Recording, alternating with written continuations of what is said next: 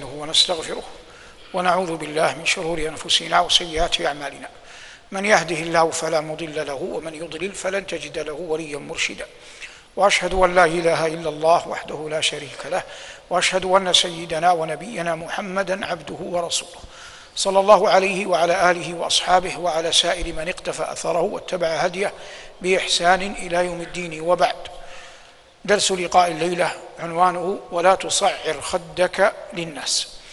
وهذه آية كريمة من سورة لقمان. قال الله عز وجل فيها ولا تصعر خدك للناس ولا تمشي في الأرض مرحا. إن الله لا يحب كل مختال فخور. وهي مندرجة في ضمن وصايا لقمان لابنه. وقد تحدثنا مرارا عن وصايا لقمان عليه السلام لابنه. لكننا نقف عند هذه لما فيها من جليل الفوائد. اولا لابد أن يحرر معنى الصعر والصعر في اللغة ميل العنق. ما الصعر؟ ميل العنق. الآن لو أنت رجعت ذاكرتك في من تقابلهم من المساكين الذين يسألونك لوجدت أن المشترك الأعظم في من يسأل كمالا من الفقراء المساكين المحاويج أنه يميل عنقه. وإذا جاء يسأل يقول هكذا. غالبهم. الناس بادي الرأي يذهبون قولا واحدا إلى أن معنى ولا تصعر خدك للناس بمعنى لا لا تتكبر. هذا قول ابن عباس وقول ابن عباس وجماعة من أهل التفسير. لكن قال ابن خويز من داد وهذا أحد فقهاء المالكية. إن معنى ولا تصعر أي ولا تذل نفسك للناس. وليس المقصود النهي عن الكبر في هذه المفردة. ومال إليه ابن عطية يسيرا في المحرر الوجيز. لكن الجمهور على أن معنى ولا تصعر خدك للناس معنى ولا تتكبر. مع أننا حررنا أن معنى الصعر هو ميل العنق وهذا قد يكون كبرا وقد يكون ذلة وقد يكون ذلة. لكن قوله جل وعلا ولا تمشي في الأرض مرحا إن الله لا يحب كل مختال فخور. جعلوه الجمهور جعلوه تأييدا لمعنى ولا تصعر خدك للناس على أنه نهي عن عن الكبر. لكن وفق الأسلوب العربي هذا لا يلزم. فإن قول الله عز وجل ولا تصعر خدك للناس قد يكون معناها لا تذل بالسؤال للناس. فنهاه عن الذلة. ونهاه عن البطر بقوله ولا تمشي في الأرض مرحا. ثم قال له في آخر الآية إن الله لا يحب كل مختال فخور. المختال يكون غالبا في الفعل. الاختيال يكون في الفعل. والفخر غالبا يكون بالقول. والفخر يكون غالبا بالقول. أنا سيد ولد آدم ولا فخر. يقول صلى الله عليه وسلم. فقال الله عز وجل هنا ولا تصعر خدك للناس ولا تمشي في الأرض مرحا إن الله لا يحب كل مختال فخور. من هنا يفهم مقصود وصية لقمان لابنه. ينجم من هذا أمور أن الإنسان يعيش بين أوساط الناس. فإن كان يريد ما عند الله والدار الآخرة فلا يجوز له شرعا أن يتكبر عليهم مهما كان الحظ الذي أوتيه من متاع الدنيا. لأنه لو لم يكن في الكبر عياذا بالله أثر إلا أنه يجعل الإنسان غير قابل لآيات الله لكفى بذلك جرما. سأصرف عن آياتي الذين يتكبرون في الأرض بغير الحق. والذله بمعنى السؤال والطلب ينبغي أن يحرر الإنسان نفسه عنها ما أمكنه إلى ذلك سبيلا. لأن ذلك يهرق ماء وجهه. والعرب منذ قديم الدهر تنهى عن هذا وجاء الإسلام بأعظم من ذلك لما قال النبي صلى الله عليه وسلم لذلك الرجل وأعطاه فأسا ليحتطب وقال خير هذا خير لك من أن تأتي الناس هذا يعطيك وهذا وهذا يمنعك. هذا على القول أن تصعر تعني لا تذل. وإن أخذناها على الكبر فهي تكفي بقول يكفي معها قول الله عز وجل ولا تمشي في الأرض مرحا. أي بطرا ترى في الناس ما ليس فيك. وأحيانا الإنسان يفرح بالنعمة وينسى المنعم. يفرح بالنعمة وينسى المنعم. والمؤمن الحق من يفرح بالنعمة ويشكر المنعم. ولا يجعل من تلك النعمة بطرا ولا أشرا ولا تكبرا على على الخلق على الخلق. ولا تصحر خدك للناس ولا تمشي في الأرض مرحا. إن الله لا يحب كل مختال فخور. يفهم من الآية ظاهرة أن ثمة أقوام يحبهم الله لما تلبسوا به من أفعال وأقوال وثمة أقوام لا يحبهم الله لما تلبسوا به من أفعال وأقوال.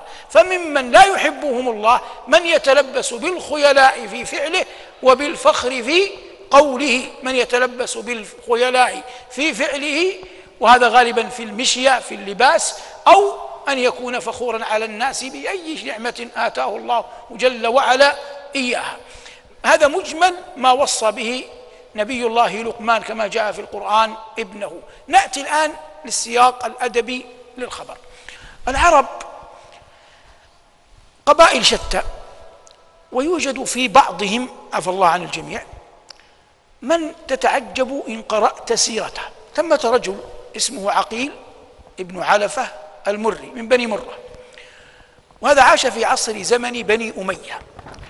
وقد ذكروا عنه تواترا أعاجيب في بهذا اللفظ الأدباء يقولون على المؤرخون يقولون فيه عنهجية ليست في أحد. وكان يظن أنه ليس في العرب أحد كفءا له. حتى إنه دخل مرة على والي المدينة في زمن بني أمية اسمه عثمان بن حيان. فلما دخل عليه قال له عثمان زوجني ابنتك. هذا والي المدينة يقول له زوجني ابنتك. فقال له أبكرة من إبلي تريد؟ يعني ناقة من إبلي أعطيك؟ فقال له الوالي أمجنون أنت؟ غضب. قال لعلي لم أسمعك أعد علي سؤالك. قال أقول لك زوجني ابنتك. قال نفس الجواب.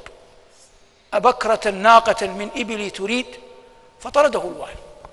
فلما طرده الوالي قال بيتين يذم الوالي كيف يجرؤ على أن يخطب مني ابنته.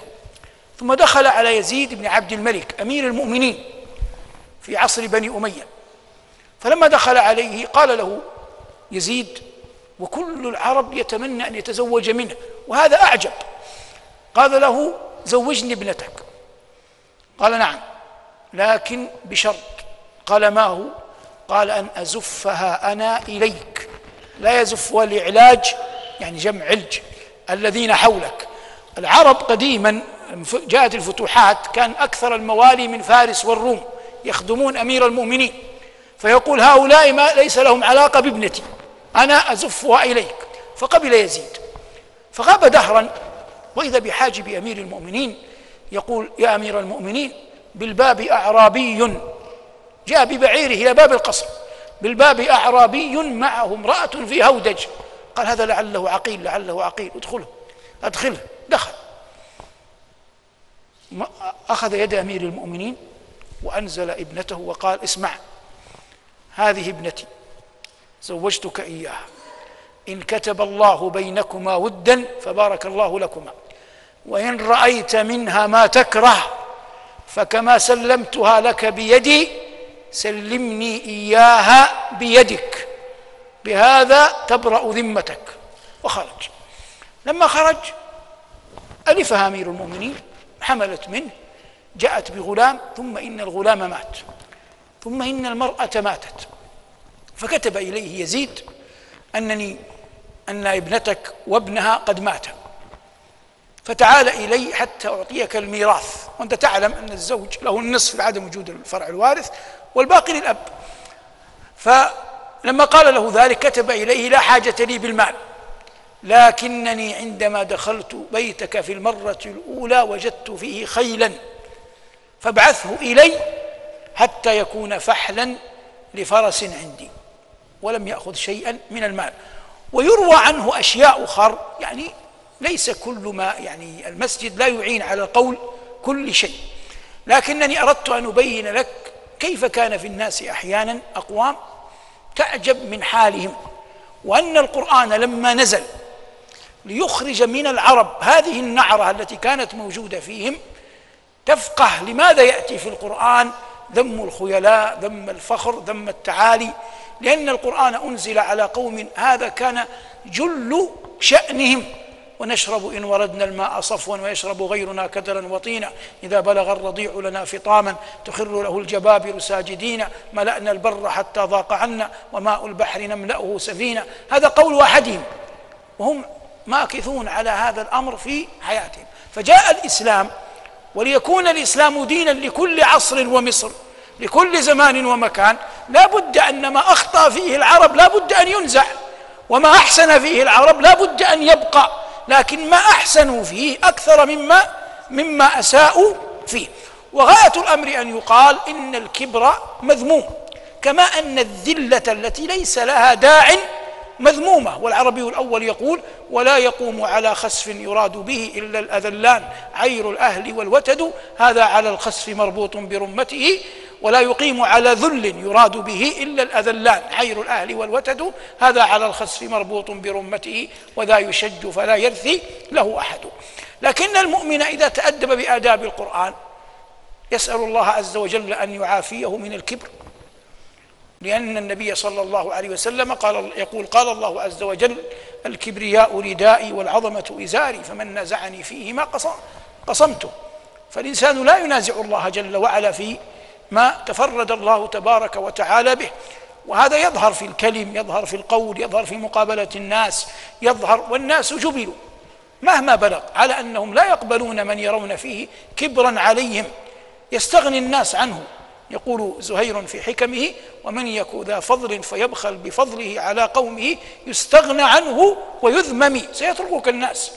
قد تجد أقواما أفواجا قليلين أو أكثر يلجؤون إلى بابك طمعا في مالك طمعا في جاهك طمعا في منصبك يسمعونك الكلمات التي تحب والأقوال التي تريد لكن هذا ليس قبولا في الأرض لأن هذا على فئة هي قد تنال منك لكن العبرة بالسواد الأعظم وهذا لا يمكن أن يكون إلا إذا كان الإنسان هينا لينا قريبا من الناس وإنما يصنع المرء ذلك خوفا من الله وخوفا من يوم الحشر يحشر المتكبرون يوم القيامة كأمثال الذر في صور الرجال يطأهم الناس.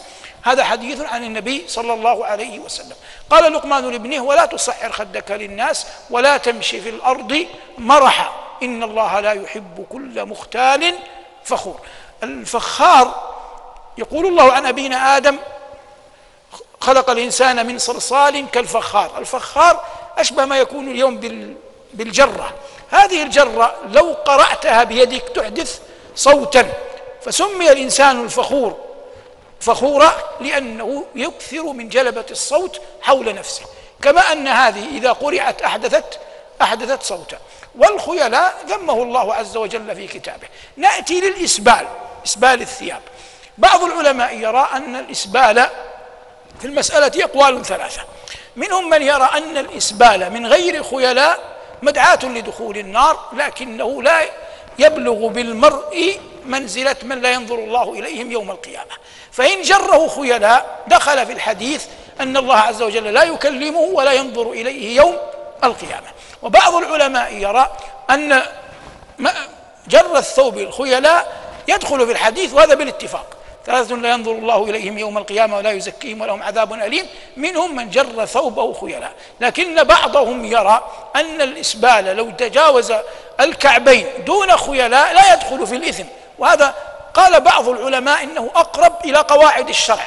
والذين قالوا بهذا احتجوا بفعل الصديق رضي الله عنه وأرضاه. فإن النبي صلى الله عليه وسلم لما أخبره الصديق لما أخبره الصديق أن ثوبه قد يكون أسفل الكعبين أحيانا قال إنك لست ممن يجره خيلا قالوا هذا دليل على أنه لو لم يصنعه المرء لو صنعه المرء بدون خيلاء أنه لا يدخل في الإثم. لكن الأحوط لعموم قول عليه الصلاة والسلام لبأس المؤمن إلى أنصاب ساقيه. ولفعل أمير المؤمنين عمر رضي الله عنه وأرضاه. فإن عمر لما طعن وحمل إلى بيته جاء الناس وكان الناس إذا مات الرجل يأتون يبشرونه ويقولون له كلاما طيبا حتى يلقى الله وهو حسن الظن بالله. لا يأتون إليه في مرض موته يسمعونه ما لا يحب ويحتسبون عنده. كل منهم يعني يتاجر مع الآخر أيهم يعظه أيهم يغلبه. إنما يسمعونه كلاما يحبه. فلما طعن أمير المؤمنين دخل عليه شاب. فالشاب أراد أن ينظر إلى أمير المؤمنين يقول فيه كلمة طيبة لكنه كان يجر رداءه. فعمر على تلك الحالة قال له يا بني أو يا ابن أخي ارفع ثوبك فإنه أتقى لربك وأنقى لثوبك. ارفع ثوبك فإنه أتقى لربك وأنقى لثوبك. ولا حاجة للمؤمن أن يصنع مثل هذا فإن التذلل الخشوع يبدأ من القلب ثم ينتهي إلى الجوارح. يبدأ من القلب ثم ينتهي إلى الجوارح. وقد يخشع قلب المرء لكن لا تخشع معه جوارحه. وقد يخشع قلب المرء وتخشع معه جوارحه. وقد يخشع قلب المرء وتخشع معه جوارحه ويخشع معه أشياء كثر مما يتعلق بها حياته. فحتى إذا فرح يفرح إلى حد وحتى إذا حزن يحزن إلى حد. حتى لا يغلب عليه الهم والغم ولا يشعر نفسه أنه غير راض عن قضاء الله جل وعلا وقدره. كل هذا يمكن أن يستلهمه المؤمن من قول الله عز وجل في وصايا لقمان ولا تصعر خدك للناس ولا تمشي في الأرض مرحا. نأتي للصناعة اللغوية. الله عز وجل يقول والسماء ذات البروج واليوم الموعود وشاهد ومشهود قتل أصحاب الأخدود. أخدود هنا الأشياء الحفر التي كانت تحفر في الأرض. يأتون لحفرة ثم يتركون الأرض ثم يحفرون. يصبح الأرض التي في الوسط هابطة أم عالية؟ عالية. وهنا عن اليمين حفرة وهنا عن اليمين حفرة. سمي الخد خدا لأنه يكتنف الأنف عن اليمين والشمال. فالأنف عال وهذه نازلة. لذلك سمي من باب اللغة سمي خدا قال الله تعالى ولا تصحر خدك للناس ولا تمشي في الأرض مرحا إن الله لا يحب كل مختال فخور. هذا والعلم عند الله وصلى الله على محمد وآله والحمد لله